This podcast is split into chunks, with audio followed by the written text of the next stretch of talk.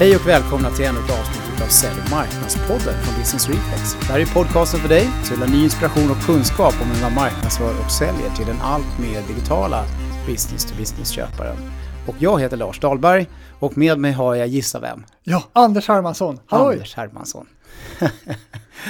Hur är det Anders? Håller Ja, det du på bra. upp för julen eller har du skrotat den? Ja, men det är bra, men jag står i ett hörn här bakom en sån här ljudskärm så jag känner mig lite Ja, det distanserad. ser, det men jag ser ser dig borta i horisonten. Men det är ju för, du, vi gör ju det här för ljudets skull, eller Ja, hur? absolut. Allt för lyssnarna. Tanken är att det ska bli liksom lite skönare sound. Skönare sound. Men du, eh, slutbabblat om det där nu. Eh, det är ju så här att eh, vi har ett eh, spännande avsnitt här som du och jag ska köra själva tillsammans. Och eh, det vi kommer prata om det är värdet utav följare. Eh, och anledningen till att vi ska prata om det här det är det att eh, det pratas mer och mer om det här faktiskt. Att det finns ett väldigt stort värde och att det här är väldigt strategiskt viktigt för företag. Ja, det är en, en bakomliggande anledningen till det får man säga att varför vi pratar om det här nu. Mm. Det är en form av industriell revolution. Nej, men det är the internet changes everything som man säger. Mm. Hela mediebranschen har ju typ kollapsat för den gamla härliga affärsidén som tidningar och eh, webbsajter också hade och livnade sig på.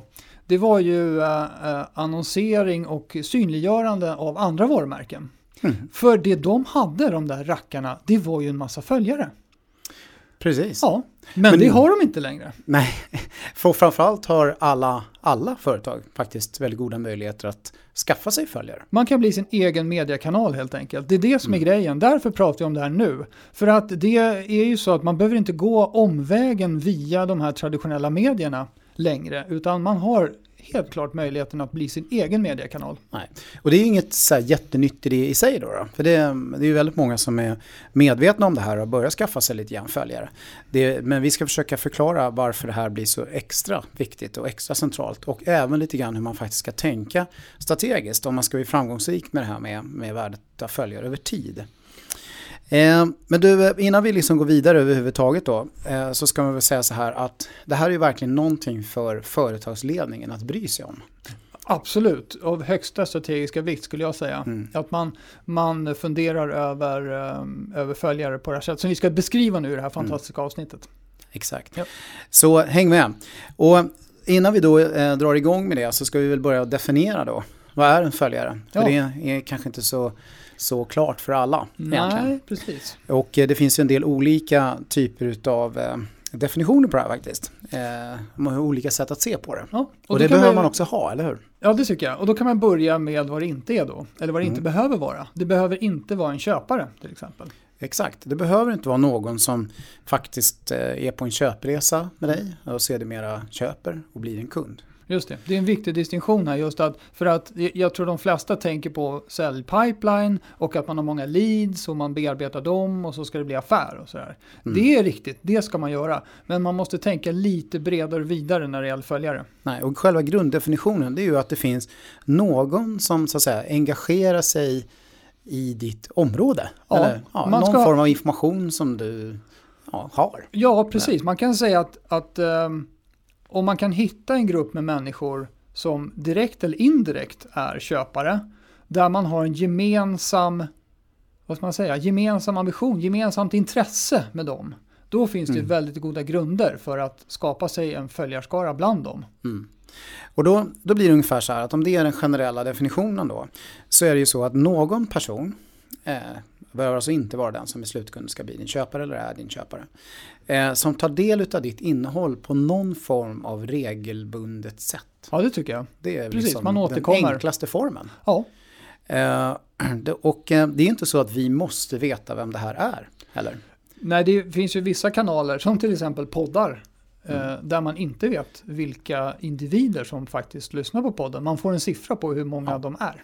Och det, så det, det betyder liksom att den enklaste formen av följare som har ett värde eh, skulle kunna vara en av våra lyssnare Ja. till eh, podden. Som kanske bara har lyssnat på ett eller två eller tre avsnitt. Precis. Det är en form av följare. Man har eh, lagt ner den här eh, appen i sin podcaster, Ja. eh, lyssna, spelare och så vidare. Och så, så lyssnar man på några avsnitt. Ja, precis. Och, och när man har lyssnat på sen 125 avsnitt, då kanske man till och med kommer ihåg vilka Business Reflex är. Mm. Man vet aldrig. Sen är det ju så att eh, eh, det här kan man ju ha då i många andra typer av digitala kanaler. Det behöver ju inte nödvändigtvis vara en podcastkanal. Det kan ju Nej. vara sociala mediekanaler, ganska populärt till mm. exempel. Eh, men eh, nästa nivå på dimension här då, då eh, det blir ju att man på någon nivå kanske då delar eller gillar eller liksom sprider det här. Ja, det då är, är man väl... lite mera Engagerad. Ja, exakt. engagerad ja, de har ju köpt in på det lite mer eh, när man vill vara med och se till att saker och ting sprids. Eh, och det är väl, eh, ja, jag vet inte om det stämmer längre, alla gamla sanningar stämmer ju inte, men det här är någon form av pyramid som man pratar om på nätet, att det är 90% mm. är sådana där fluktare som tar del av saker. Och sen är det topp 10, det är de som eh, engagerar sig. Så då är det kanske 8% av de där återstående som är sådana där gillare och delare. Ja, och om de blir gillare och delare beror ju naturligtvis på vilka de är, men det beror ju också väldigt mycket på vad vi gör. Ja, vad och, vi har för och, värde. Vi ja, precis. Och hur det samspelar med deras eget, vad ska man säga, personliga varumärkesbygge eller vad det nu är för någonting som driver dem. Mm. Ja, och så om man kommer liksom vidare på det här i någon sorts eh, nivå här då, mm. då följarnivå. Mm. Eh, så blir det det att man själv då är med och kanske bidrar med någon form av digitalt innehåll. Ja, det är väl de där två återstående procenten. Ja, man skriver en kommentar till exempel. Eller man, eh, man gör en review på en podcast kanske.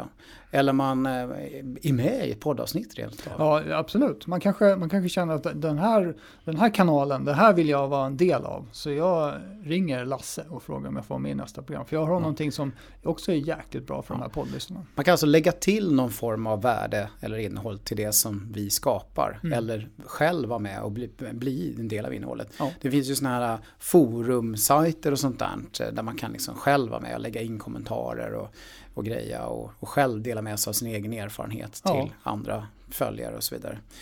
Eh, alltså men då är det på en betydligt det, hög nivå. Ja, det är och det. Det är någon form av lojal skala, skara människor det här som, mm. som eh, engagerar sig i någonting som är viktigt för både dem och dig. Då. Ja, och så blir det någon sorts fjärde nivå här då, då som vi har resonerat kring du och jag. Det är ju att, att man till och med, man ser så mycket värde i det här, eh, i det här att vara följare. Så att man till och med är beredd att betala mm. för att kunna få vara det. Just det. Eh, och eh, då kan det ju vara att, eh, att man tillhandahåller någon typ av digital information som har så högt värde att jag liksom vill betala en peng. Mm. Eller till exempel att jag vill gå på ett event och är beredd att betala för det. Mm. Där man liksom levererar någon form av eh, innehåll man är så dedikerad följare att man till och med vill vara med där. Ja, man måste, man måste ja. liksom tänka i flera dimensioner här som, som företagsledare. Alltså om, om, man, om man är en, en företagsledare som säljer svarvar. Mm. och sen så har man en stor följarskara inom det här området. Då skulle man ju kunna organisera årets svarvarkonferens och ta betalt för den. Mm. Om man bara inte står där och, och säljer och pratar om Nej. sig själv. Och så tar man dit människor som inte bara är kunder. Ja. Utan man tar dit alla andra som är följare till en. Som Just har ett det. intresse kring det här på något sätt och ser ett värde i det ja. på något sätt. Det, man kan ju gå riktigt långt och skapa en form av, om man tänker att man värnar sin bransch och sitt område och tror mm. att man tjänar på att fler generellt sett får reda på det, då kan man ju till och med bjuda in konkurrenter och så på, på sitt event. Mm. Bara för att skapa en stor, en stor plats, en mm. arena för, för de saker som man själv brinner för. Mm. För, för, att skapa lite momentum. Och ja, och så blir det mer värde för, för följarna. Precis. Eh, så där är ju någon form av följardefinition i fyra nivåer. Ja. Eh, om vi sen då skulle gå in och prata lite mer om de konkreta fördelarna då. Och då, då finns det ju väldigt många fördelar som uppstår. Och det gäller att ha koll egentligen på, på det här eh, utifrån diverse olika dimensioner. Eh, och en del av de här grejerna går ju lite mer konkret att räkna på. Ja. andra är lite svårare att räkna på. Ja, man, man kan ju, om man, om man tänker att en, en följare i vissa fall är en potentiell köpare, då är det naturligtvis så att om man om man har den här approachen till, till sina följare, då genererar ju det leads naturligtvis. För det är ju, ja. om, man, om man har en produkt som passar sin målgrupp, det är bara det att tajmingen så att säga inte alltid är rätt. Och man kan vara relevant för dem under lång tid och de till och med börjar gilla en utan att det finns något sorts köptvång, ja då kommer ju tajmingen troligtvis bli rätt efter ett tag. Precis. Och då har man ju en affärsmöjlighet. Det är väl den första uppenbara. Men jag tycker fortfarande att det är, det är viktigt att man inte bara ser det här som en leads pipeline. Nej, för då det blir det fel. Viktigt. Men det resonemanget du är inne på här, det är ju liksom ett sätt att få en en relation med sin målmarknad, Mm. med sin, sin så att säga, möjliga så att säga, köparskara. Mm. Eh, eh, långt innan de blir köpare till dig. Ja. Eller de är köpare hos någon annan och Ja. kanske ska hoppa över till dig. Eh, det, det är liksom en dimension av värdet Ja. med det här. Och, och sen har du ju de som då är dina befintliga kunder. Mm. Ett, ett väldigt bra exempel på de som har lyckats väldigt bra med det här, det är ju Salesforce. Mm. Eh, De har ju som fanatiska Mm. Salesforce-personer som bygger sin karriär på, de jobbar inte på Salesforce, men Mm. de bygger sin karriär på att jobba på företag som använder Salesforce. Och de är med och bidrar i, i forumen på Salesforce support-site och får Mm. till och med de som är bäst på att bidra där, de blir inbjudna till Dreamforce då, eh, till Salesforce-konferens och får stå på scenen och prata istället för att Salesforce själva gör det. Det är en otrolig värdeleverans Ja. från de här och de, det är liksom Och där har du ett lojalitet. exempel på det du var inne på tidigare just då. Att de här personerna har ju aldrig varit inblandade i att köpa Nej. Salesforce nödvändigtvis. Nej. Det är det någon annan som har gjort och tagit beslut om och, och är följare. Och sen har de här blivit följare till Salesforce efter det att det här köpet inträdde så att säga. Exakt. Man, de blev kunder och då, då såg de här människorna att eh, det här måste jag bli inblandad i på något vis. Mm. Och sen har de liksom valt att bli mera aktiva följare efter det har hänt. Så att säga. Eh, så att så, så vä- värdet utav det här blir ju då betydligt mycket större än bara den här köparen som var med från början. Ja, när de det- väl blir helt- kund. Ja, helt plötsligt Mm. så blir den här leads-pipeline lite fjuttig i sammanhanget. När man tänker på vilket moment det här är. Mm. Och som någon sa, det är ju det är ju omöjligt för Salesforce att inte tjäna en massa pengar på sina konferenser. För folk bara vill ju åka dit. Det är, det är årets treat av Ja. arbetsgivaren att låta någon åka till Salesforce-konferensen. Ja, och, det, och ett intressant tänk med det här då, det är att de här personerna då, eh, de, eh, de kan ju till och med då bidra, de bidrar ju med, med innehåll här. Men de bidrar ju också då kanske med att skapa andra följare Ja, som redan är kunder eller på kund, hos kundföretag visst. eller som inte är det. Så att säga, som de känner och som, som de så att säga har en kontaktyta mot så att säga. Ja. Som, som gör att de också vill så att säga vara med och följa det här. Ja, precis. Oavsett om de är kunder till Salesforce eller inte. Ja. Eh, så det, det är en viktig aspekt. Eh, men, men, och det i sin tur skapar ju nöjda kunder. Men har du en massa följare som följer regelbundet, då kan ju du kommunicera ett värde till dem när de är liksom kunder, Mm. utöver det värde du levererar med dina produkter. Exakt. Så du har dina produkter, du levererar dina produkter, de levererar värde. Mm. Sen har du följare som du kan leverera ytterligare värde till och som i sin tur också kan bidra i Ja. värdeskapandet. Ja, det är klart. Det finns väl någon klassiker där man har årets kundkonferens där man bjuder in och, och de mest dedikerade kunderna kommer på den här konferensen. Men det här är ju någonting som tickar på 24-7. Mm. Ehm, att det, det pågår hela tiden. Man kan, det, det är en betydligt större skala på det här och, och man behöver som sagt, som vi sagt så många gånger förut, inte vara de mest dedikerade kunderna utan det räcker med att man engagerar sig i samma sak. Ja. Och hoppar vi tillbaka till den här sidan då innan man blir kund, Ja. då kan man ju få samma effekt där. Du har människor som börjar följa dig i din målmarknad som skulle kunna bli dina kunder men har inte blivit än. Som så att säga drar in nya människor in i det här som också kanske skulle kunna bli dina kunder. Eh, och sen har vi nästa dimension på det här då, att du vill ju gärna ha in människor som aldrig skulle kunna bli dina kunder. Ja, Aldrig köpa och aldrig vara din kund, men som ändå är väldigt viktiga, så att säga, kan vara väldigt viktiga påverkare just det. på de som ska bli kunder eller de som är kunder. Ja, så kallade influencers. ja precis. Och influencers kan man ju vara på olika nivå också. Man kan vara en, en person bara som kan influera lite grann. Och sen finns det ju vissa som har satt det där i system och är väldigt duktiga på liksom att, att påverka andra. Ja. Framförallt med hjälp av digitala kanaler. Det finns till och med de som har det som affärsidé.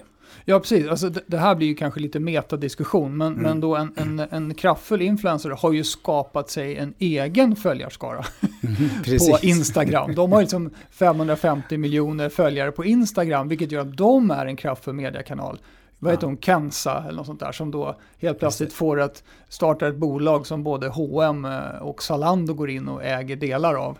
Eh, Hon startade ju, hon, det, det hände ju bara för att hon fick ju en stor skara följare. Ja. Hon hade inte lyckats med det, eh, med det vad heter, entreprenörskapet skulle jag säga utan sina följare. Så där ser man ju också värdet av det när man börjar från så att säga ja, noll. precis. Man kan leva på sina följare bara. Ja, hon hade ju, ja precis, det var ju affärsidén från början och sen så ser hon andra sätt att kommersialisera det på, vilket är imponerande. Ett, ett värde som jag tror många inte ser kopplat till det här med följare. det är ju att man, eh, vi säger att vi säljer produkten X idag Mm. och så har vi följare. Och eh, en hel del av de här då eh, är våra kunder eller våra möjliga kunder i vår mål, målmarknad. Och har vi dem, då har ju vi ett förtroende hos dem. De följer ju oss trots allt. Eh, då har ju vi möjlighet att ganska enkelt lansera någonting nytt. Som ett komplement till det vi redan säljer. Ja, det är definitivt, Så länge det är relevant för samma följare. Just det, det är definitivt enkelt att testa. Skicka upp en testballong och se vad som händer. Mm. Eh, Det är inte så kanske självklart lätt att det lyckas varje gång, men definitivt testet är ju möjligt. Istället för att man sitter inne i ett mörkt labb och håller på och snickrar på någonting i tre år och sen säger tada och så är det ingen som lyssnar. Mm. Här finns det ju trots allt några som lyssnar och kan ge feedback på det du håller på med. Ja, och tänker man sig då läget att man har några tusen följare som är eh, aktiva på en nära nivå. Eh, och sen så, eh, så har man dem. Om man då skulle jämföra med att inte ha dem. Mm. Hur mycket svårare det skulle bli. Just det, om man pratar om att lansera en ny produkt eller Ja, testa en det. ny produkt. då får man börja från scratch helt och hållet. Precis. Och det är ju både riskfyllt och dyrt. Sen finns det ju en annan aspekt på det då. Det är ju att vi funderar lite grann på vad ska vi göra i framtiden med våra produkter och våra erbjudanden. Då har man ju dem. Då kan man ju fråga dem helt enkelt. Eh, eh, och få feedback. Och i den digitala världen kan man ju göra det digitalt utan att behöva sitta i rum och diskutera det här. Eh, Eh, utan man kan få feedback. Och man ser ju också vad det är de gillar och inte gillar och vad de, vad de reagerar på.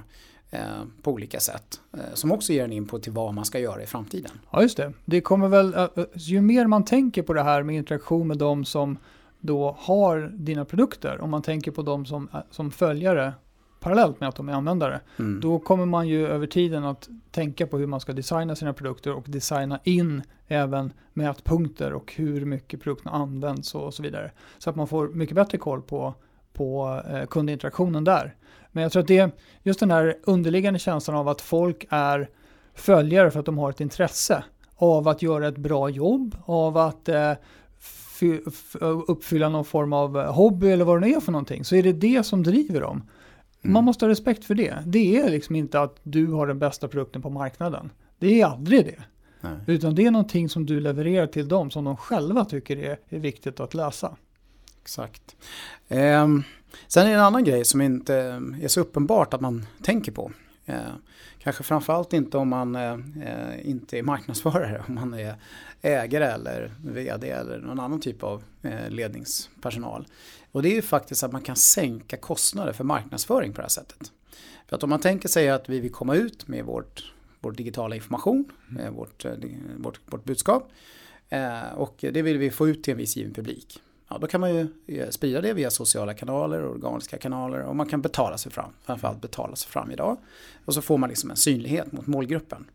Men om du redan äger en målgrupp, då är det otroligt billigt att kommunicera med den. Ja, Det är i princip bara att man eh, skickar ut en liten eh, tweet eller skickar ut en liten LinkedIn-post eller, eller att man skickar ett mail eller vad man nu gör för någonting. ja. Eh, Så, eller lägger upp en liten grej på sin webbsida så ser ju de det och tar del av det. Och kostnaden, då behöver du inte betala någon annan. Nej, man är i sin egen kanal. Förut har ju kanalerna så att säga tagit betalt bara för de hade följarna och nu kan man skaffa det själv. Ja. Så då, det, är klart, det kostar ju pengar att, att etablera sin egen kanal. Det gör det ju. Men Mm. det, jag skulle hävda att det kostar inte lika mycket som att hela tiden hålla på att pumpa in pengar i andras kanaler. Dessutom är det så, för varje krona du pumpar in i någon annans kanal så växer du deras kanal, fast du får Mm. ingenting själv. Det är, mm, finns Nej. många fördelar med hyresrätter framför bostadsrätter. Men eh, prisökningsracet vi har haft i Stockholm nu, då ska man ha ägt sin bostad. Där fick du till en jäkla bra liknelse faktiskt. Ursäkta att jag svär i podden här, men det, det var väldigt bra. Nu tappar vi Där- där tusen den. lyssnare bara för att du svär. ja, precis. Och du får en massa arga hyresgästföreningar på dig. Nej, men eh, det här ska vi man absolut inte skoja bort. Det finns ju eh, en del exempel också som börjar cirkulera. Ett väldigt känt amerikanskt exempel nu, det är de här Arrow Electronics som är eh, värdeadderande distributör i elektronikbranschen. De köpte ju typ 40-50 sådana eh, tidningar i elektronikbranschen runt om i världen. Eh, Just av den här anledningen i princip. Att det är billigare för dem att köpa tidningarna och sen så liksom kommunicera via dem mot de målgrupperna än att liksom köpa sig synlighet i de här tidningarna och i andra tidningar. Det, det hade nog inte annonssäljaren på den tidningen tänkt sig. Nej, jag När han kommer in och pitchar sitt nya mittuppslag där. Jag köper dig. Vi tar hela tidningen. Den är nice. Det är tvärtom mot vad Centerpartiet gjorde faktiskt. De sålde ju av alla sina tidningar. De hade ju en massa följare i tidningarna här, hela landsortspressen. Nu är de världens rikaste politiska parti. Ja, men jag vet inte hur det går precis. riktigt de med opinionsbildningen. Ja, Nej, men hon verkar ju göra ett hyfsat jobb. Eh, Annie heter hon va? Ja, hon Löv ja. Just det. precis. Eh, kommer det Centerpartiet höra av sig också. Shit, hur ska det gå för oss Anders? Ja, nej, men det, sen är det en annan grej också som, jag, som man inte ska glömma då. Det är att, att har man följare som följer en regelbundet, då lär man sig saker om dem. Vilket gör att man kan liksom segmentera dem i sin tur, för man har liksom data om dem. Och då kan man ju lite göra effektivare kommunikation med tanke på att man då kan skicka vissa typer av budskap till vissa följare och andra typer av budskap till andra följare så ja. blir det liksom en bättre effekt av att tycker, kommunicera med följare. Ja, och, man vet mycket mer om följare än de som inte följer. Och det är viktigt det du säger just att kommunicera med dem så att det inte bara är man, man är, ska försöka att inte vara bara en radiosändare utan försöka ha en dialog på de, i de kanaler där det går. Du tror att vi har eh, förklarat att det finns en väldig massa bra grejer med följare nu? Ja, Känns nu har vi övertygat de mest skeptiska människorna. Ja, precis. Då är frågan hur man får dem då. Ja. Eh, om man ska för, det finns ju otroligt mycket liksom, detaljgrejer att tänka på här. Men om man ska ge någon form av liksom, high level här ja. nu. Eh. Det, det, första, vi, vi har en liten lista såklart. Det första vi satte upp på listan det var att ha rätt inställning. Och det mm. tror jag är, vad, vad ska man säga, försöka flytta fokuset från leads pipeline till just en skara människor som man har samma intresse som. Mm. Det, det tror jag är en bra riktningsförändring mm. på kompassen. Mm. Som kan addera någon form av värde till dig och där du framförallt kan addera någon form av värde till dem. Ja, precis. Och det är klart att utgångspunkten blir din egen nuvarande affärsmodell. Men ja. det här är ju en otrolig grund till affärsutveckling också. Men, men man börjar ju där man står. Och så funderar man eh, generöst över vad man kan bidra med och vilka som kan vara intresserade av det och vad de själva kan bidra med. Och det här med bidrag då, när det närmar sig jul då, så mm. är ju väldigt aktuellt. Och då, man måste liksom ge någonting först för att man ska kunna få något. Ja. Det går liksom inte att få följare om man inte är bjussig. Nej, så är det. Och, och, eh, och, och, vi har ju vårt R-test här då. Är man relevant för de här människorna så är det en bra start. Där börjar vi. Sen ska man vara inte bara relevant utan man ska bli sjukt värdefull. Ja, sen en annan grej är att ska man lyckas med det här då måste man se till att det blir möjligt för följarna att kommunicera så att säga mellan varandra. Ja, det stärker ju banden i det här mm. nätverket som man startar. Helt enkelt. Det blir ju, uh, de kan uh, vad ska jag säga, förstärka varandra. Uh, och komma, de, de börjar bidra med värde helt enkelt till varandra också. Så att man inte bara själv står där med megafonen och skriker. Nej, och då är man inne på det där lite grann att man, man vill göra det naturligtvis lätt för människor att säga ja till att följa en på olika nivåer utifrån olika syften. Mm. Det, det, måste man verkligen vara noggrann med. Men, men det blir ju också det att man vill gärna vara noggrann med att göra det lätt för andra människor att, att ge någonting helt enkelt. Kunna kommentera eller kunna bidra eller få vara med i ett poddavsnitt eller vad det kan vara. Absolut, just att man inte bara ser sig själv som megafonen utan att det är, det är, en, eh, det är en dialogyta, en kommunicerande yta det här med, med följarskaran och mm. nätverket. Då ja. blir det bra. Så tänk på det, alla lyssnare där ute. Är ni intresserade av att vara med och har något relevant att bidra med, hör av er. Ja, just det. Det finns säkert många som har superbra erfarenheter. Ja. Det tror jag. Kontakt at businessreflex.se. Yes. Eh, så kan man få bli en följare som är med och bidrar. Oh, nu kom det tio mejl på en gång. Ja, det bara...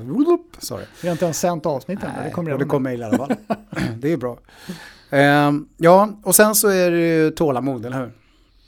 Ja, precis. Um, det, finns, uh, det är en långsiktighet i det här.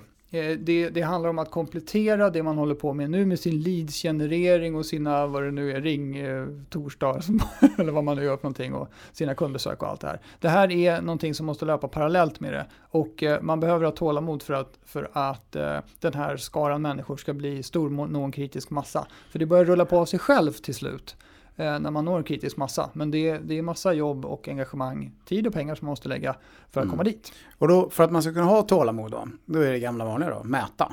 Just det, mäta rätt grejer. Så mät Eh, först, ha tålamod sen. Eller ja, då får du tålamod. Du man får, det är lättare att ha tålamod om man mäter rätt grejer, för då blir det ju mer pragmatiskt om man har satt upp målsättningarna innan man sätter igång Mm. och mäter hela tiden progress mot dem. Då kan man ju lättare också justera sina åtgärder så att man Ja. når målet på bästa sätt. Ja, och då skulle man kunna bara ge en litet enkelt tips här. Vi pratar ju om fyra, lite så här, fyra olika nivåer av följare där Mm. i början. Eh, att man kanske skulle identifiera då eh, lite grann vilka typer av eh, följare kan man ha på de här fyra nivåerna. Och så sen så sätter man kanske någon form av värde på dem. Framförallt så mäter man så att säga kopplat till de där fyra nivåerna. Hur många har man som prenumererar på bloggen? Hur många har man som jag säger, är beredda att betala för att komma på branscheventet som vi faktiskt anordnar? Hur Ja. många har man som och så vidare. Det är väl jättebra. Eh, Och eh, man skulle ju kunna göra en liten överslagsräkning beräkning och se hur stor del av den totala marknaden har vi nu som följare till exempel. Mm. Det, är kan man göra. Så man kan säga så här, vi ska minst ha dubbelt så stor andel följare av den totala marknaden som vi har marknadsandel på vår försäljning. Eller något Mm. sånt. Mm. Det, Det kan man väl, det är ju- väldigt bra tips. Hitta en bra KPI Ja, på. det är bra. Eh, ja, eh, och då är vi lite så här tillbaka till det här vi brukar försöka avsluta med då. Vad gör man nu då? Om man eh, känner att aj, aj, aj, eh, vi måste göra mer här. Ja, För de flesta gör ju ändå någonting på någon nivå. Skulle man exakt. Och då är det lite så här, det kan låta flummigt men det, jag tycker inte att det är det. Utan man kan använda ordet fundera, då blir det lite flummigt. Eller också säger man analysera, då blir det helt plötsligt väldigt krisp. men jag tycker man, man ska fundera över inom vilket område man trots allt har någon form av följarbas idag. Och hur man kan utveckla den. Om det man nu skulle starta på det här, var Ja. någonstans börjar man? Och vad har man idag och kan bygga utifrån? Precis. Och alla företag eh, har ju det här tror jag på någon nivå i alla fall. Så att vad man inser liksom att vi har ett, ett gäng kunder, vi har eh, information om dem och eh, de, de skickar vi någon form av information till regelbundet för de är våra kunder. Mm. Då skulle man bara kunna tänka på hur kan vi så att säga göra, leverera mer värde till dem så att de upplever oss ännu härligare och göra det lättare eh, att få in flera som är deras kompisar till exempel. Och därmed kanske få dem att vilja så att säga vara med och bidra genom att dela eller kanske till och med putta in innehåll. Det Just kan vara en bra startpunkt Ja, till exempel. absolut. För att vara lite konkret. Ja. Eh, ja, och sen gäller det ju att ställa sig frågan då, eh, vad ska vi ha för strategi nu för att utveckla det här? Vad ska vi ha för strategi för att utveckla vår följarstrategi? Ja, följarbasen, hur ska Man vi pekar den? på marknad och frågar dem. Ja, det kan man göra. Man kan ju, mm, precis, det kan man göra. Man kan bara ploppa upp som gubben i lådan och fråga sin, eh, sin marknadschef vad man har för följarstrategi. Och då handlar det ju om att skaffa sig fler utifrån Ja. de här olika perspektiven Ja. vi har pratat om. Och det blir ju det där som vi pratar om, mäta rätt grejer och sånt. Man måste förstå vilka KPI som är viktiga och så. Men börja, börja definitivt med att se på er nuvarande kundbas, för det har de flesta någon jäkla kundbas i alla fall. Eh, Eller om man är en startup utan kundbas, då försöker man förstå vilka det är som är mest intresserade av det här och tänka lite utanför boxen vad det gäller leadsgenerering. Det blir lite mer än det, större perspektiv än det. Världsförbättrande perspektivet. Mm. Precis. Jaha, då finns det ju en väldigt logisk avslutning på det här nu Anders, eller hur? Eh, Som är den avslutning vi brukar eh, Den är ha, alltid hur? logisk, det är så den, skönt. den är ju det, kanske framförallt. Den är alltid logisk som sagt var. Men eh, den har varit extra logisk idag tycker jag. Vad du än gör där ute så ska du se till att vara relevant. Hej då! Hej då alla följare, hej då!